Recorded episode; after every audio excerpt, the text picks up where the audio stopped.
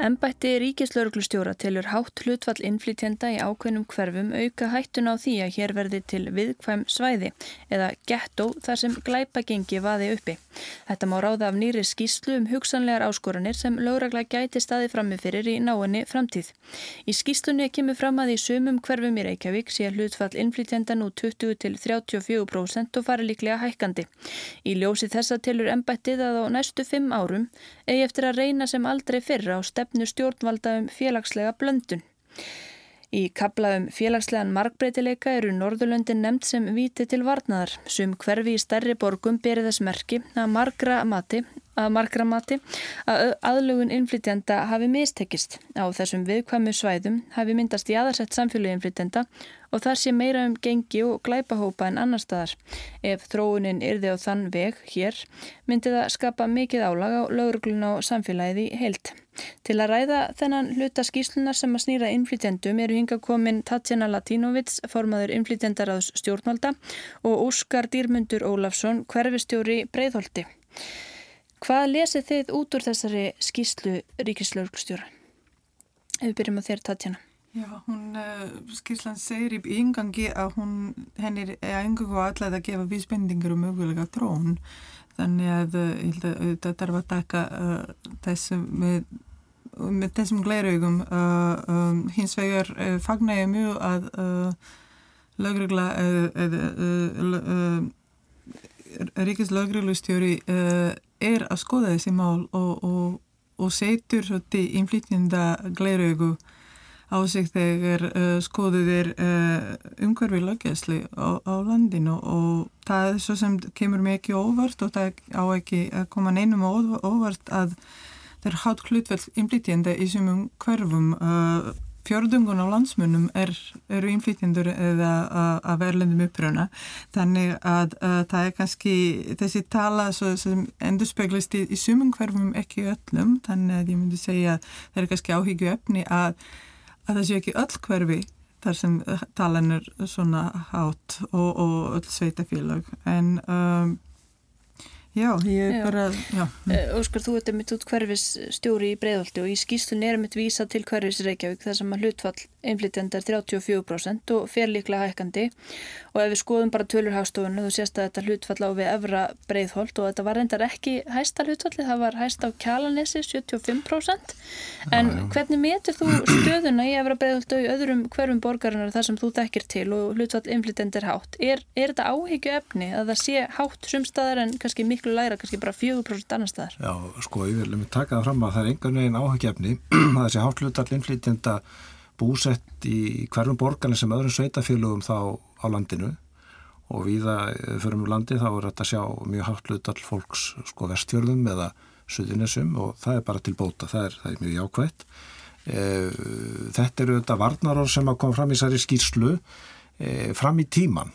E, staðan í ákveðinu hverfum og þetta eru bara ákveðinu hverfi sem að vísa þeir í í Svíþjóð, Danmörk og sem dæmi e, eiga alls ekki við þann veruleika sem við erum með í dag.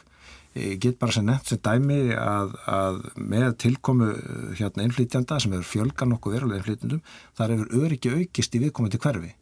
Þar hefur svona brotatölur þeim eru er að lækkað saka tölum hérna lauruglunar höfborgarsæðinu þannig einmitt hefur hverfið orðið örugara Þannig að við höfum alltaf að reynslu af því heldur nákvæmlega þjóður okkar og, og ég held að þetta sé meðalans tilkomið af því að, að við erum að vinna mjög markvist að þá samþæktingu og erum með ákvæmlega stefnu til dæmis borginni og ég rekna með annu sveitafélag síu með það líka sem er fallið til þess að tengja fólk betur saman og skapa sagt, samfélag úr ólíkum hópum þess að við skilgar nokkur öll sem náttúrulega Íslendingar og, og reykvikingar eða Ísfyrðingar eða hvernig sem það er.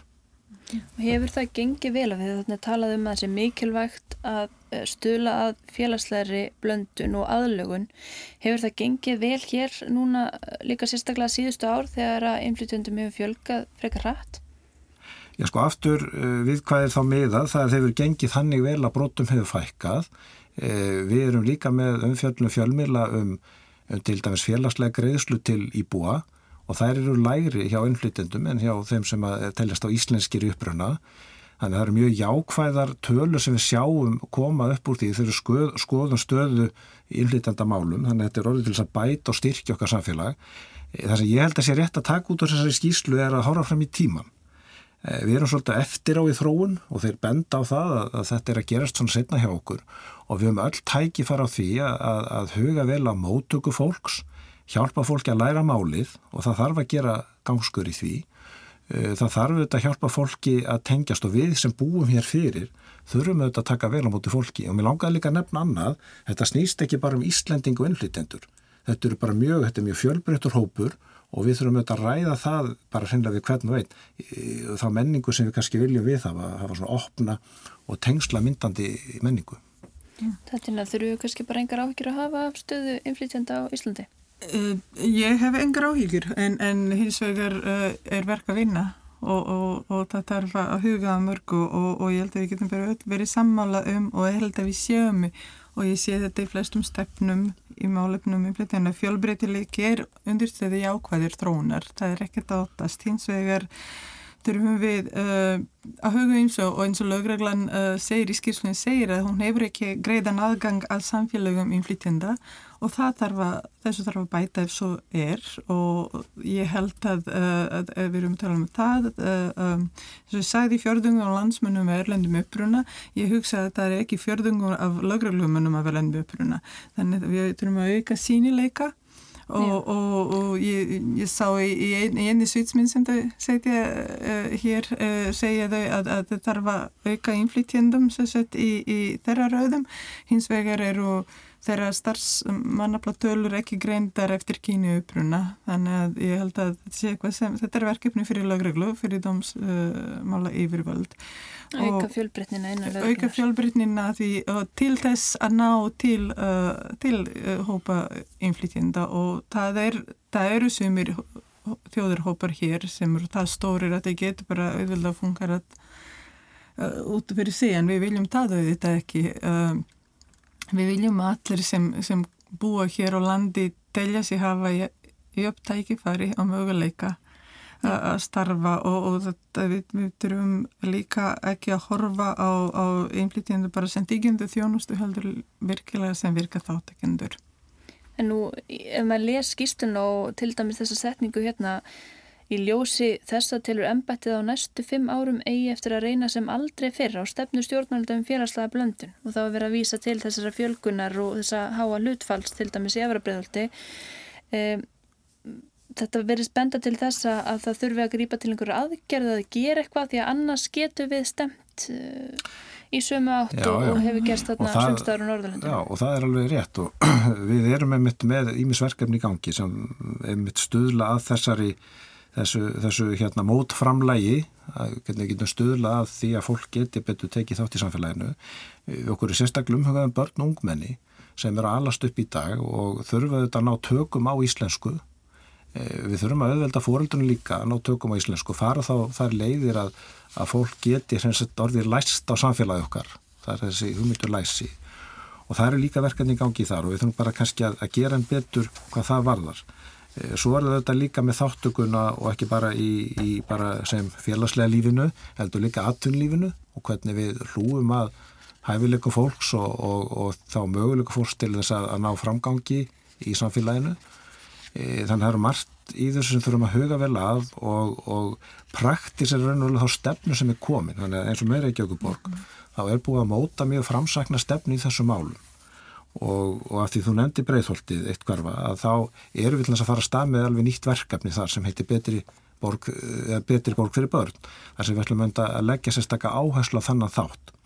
Við erum í alþjóðlu samstarfi við samtök eins og TÖF heita einn samtökin, við erum fara ráðgjöf frá Englandi, við erum í nánu samstarfi við, við Norðurlöndin og höfuborgin Norðurlöndana innmitt um þessi mál og tökum bara það besta sem fáum frá þeim, þannig að það er verið að vinna virt í þessu En ég vil bara nota að tækifæra og hvetja yfir völd, hvort sem það borgar yfir völd eða, eða ríkis eða hérna ráð, ráðherrna að stíga svolítið stertinn í innleggingunni og fjármagna raunlega það sem þarf að, að fjármagna þar.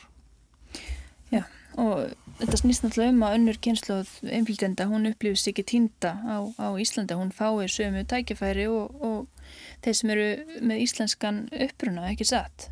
Það er kannski það sem hefur að gerast á Norðurlöndunum að, að önnur kynslu er, er svolítið tínt. Jú, það er einn mjög góð setning í, í þessari skisslu að hættan á félagslega einangruna og ónugum frangangi innan samfélagsins er talsverð og hefur í tilvíkum marga í för með sér brosnar væntingar og vonleysi. Ég held að það er það sem við erum að tala um. Við erum að bara gefa öllum tækifæri, jöfn tækifæri. Já, og það, það getur aðlögun, aðlögun ekki bara innflytjandar samfélaginu, þessi sem eru nýkomni heldur samfélagsins alls mm. til breytum myndir. Ég vil taka undir það að þetta er samfélagsins alls, þetta eru viðþór sem við höfum til fólk sem flytur hinga til landsins til að vinna eða starfa og, og búa og ég held að viðþórum þurfi að, að hugsalega þróast eitthvað mm -hmm. og það er ekki síður atunulífsins og fleiri aðila, það er oft bent á ofinber aðila sem eiga auðvitað að móta stefnu og, og veita viðandi stuðning en þetta er svo miklu viðtakara mál og samfélagi sem heldu auðvitað mun hagnast á því og er að hagnast á því að fá fólk að veljendum uppruna til að búa og starfa hér.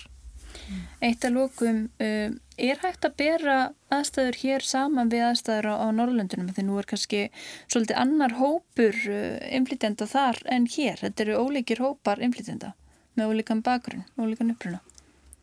Eh, ég held að við séum svona svolítið farin, nú tek ég ekki mjög mikið eh, stöðu þar en ég held að uh, uh, samfélag íblendins er líka að vera aðeins fjálbreytari hér held, heldur en hefur verið. Ég, ég, held að við þurfum ekkert að bera okkur saman við, við Norðurlundin, ég held að við getum lært af þeim uh, það sem þau hafa ekki gert vel en ég held að saga innflytjanda samfélagsins á Íslandi er orðið það löng að ég held að við, við getum alveg haldið áfram að búa til okkar einsögu í þessu og, og, og, og dæmi. Já, ég held að það sé ekki að bera þetta saman eins og sagði kannski upphafi.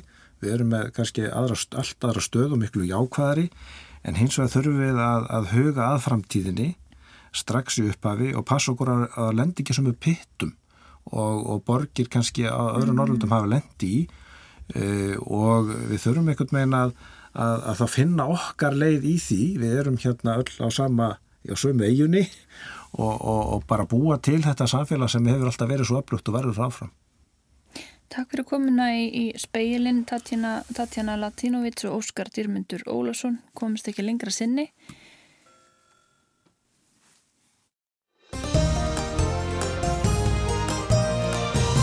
Svo getur farið að þrennar almenna kostningar verða á næstu þremur árum. Ef sitjandi fórseti Gunni T.H. Jóhannesson fær mótframbóð verður kosið í júni á þessu ári. Ef ríkistjóknir situr út kjörtíðanbilið verða alþingiskostningar að hausti á næsta ári.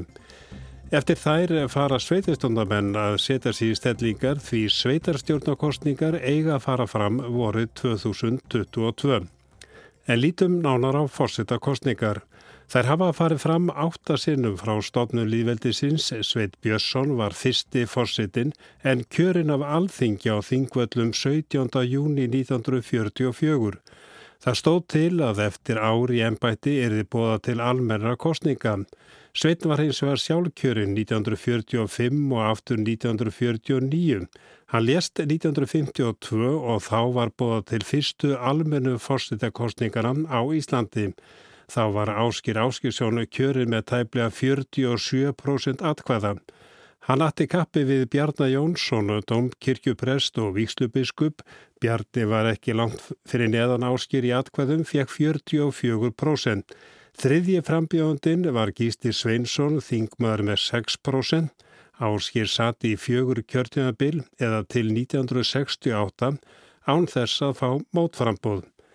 Kristján Eldjórn var kjörið þriðji fórsiti líðveldisins 1968 eftir nokkuð harða kostningabaróttu við Gunnar Torótsen. Hafði betur með nokkrum yfirbörðum með rösk 65%. Hann satt þrjú kjörtinabil eða til 1980. Í fórsitakostningunum það ár 1980 heyrðist fyrsta kvennmarsöröttin í annars afar karlægum kostningum fram að þým. Vigdís Fimboðdóttir var kjörin með tæpum 34%. Þrýr karlar byggðu sér fram Guðlur Þorvaldsson, Albert Guðmjörsson og Pétur Jó Torsteinsson. Frambáð Vigdísar vakti aðegli víðum heim. Hún er þið fyrsti kvennfósitt í heimi og svo vakti aðtiklið að hún var einhleip.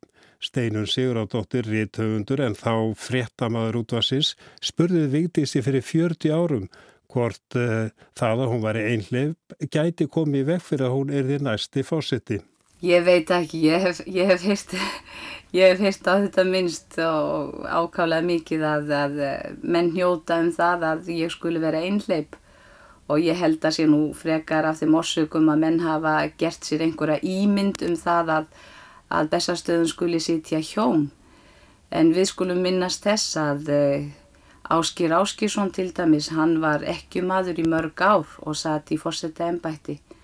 Við skulum líka minnast þess að uh, við uh, verðum að hafa það í huga að það getur allt komið fyrir okkur öll í þessu mannlífi og mér hefur orðið á að spyrja ef að fórsiti Íslands misti makasi nætti hann þá að segja af sér.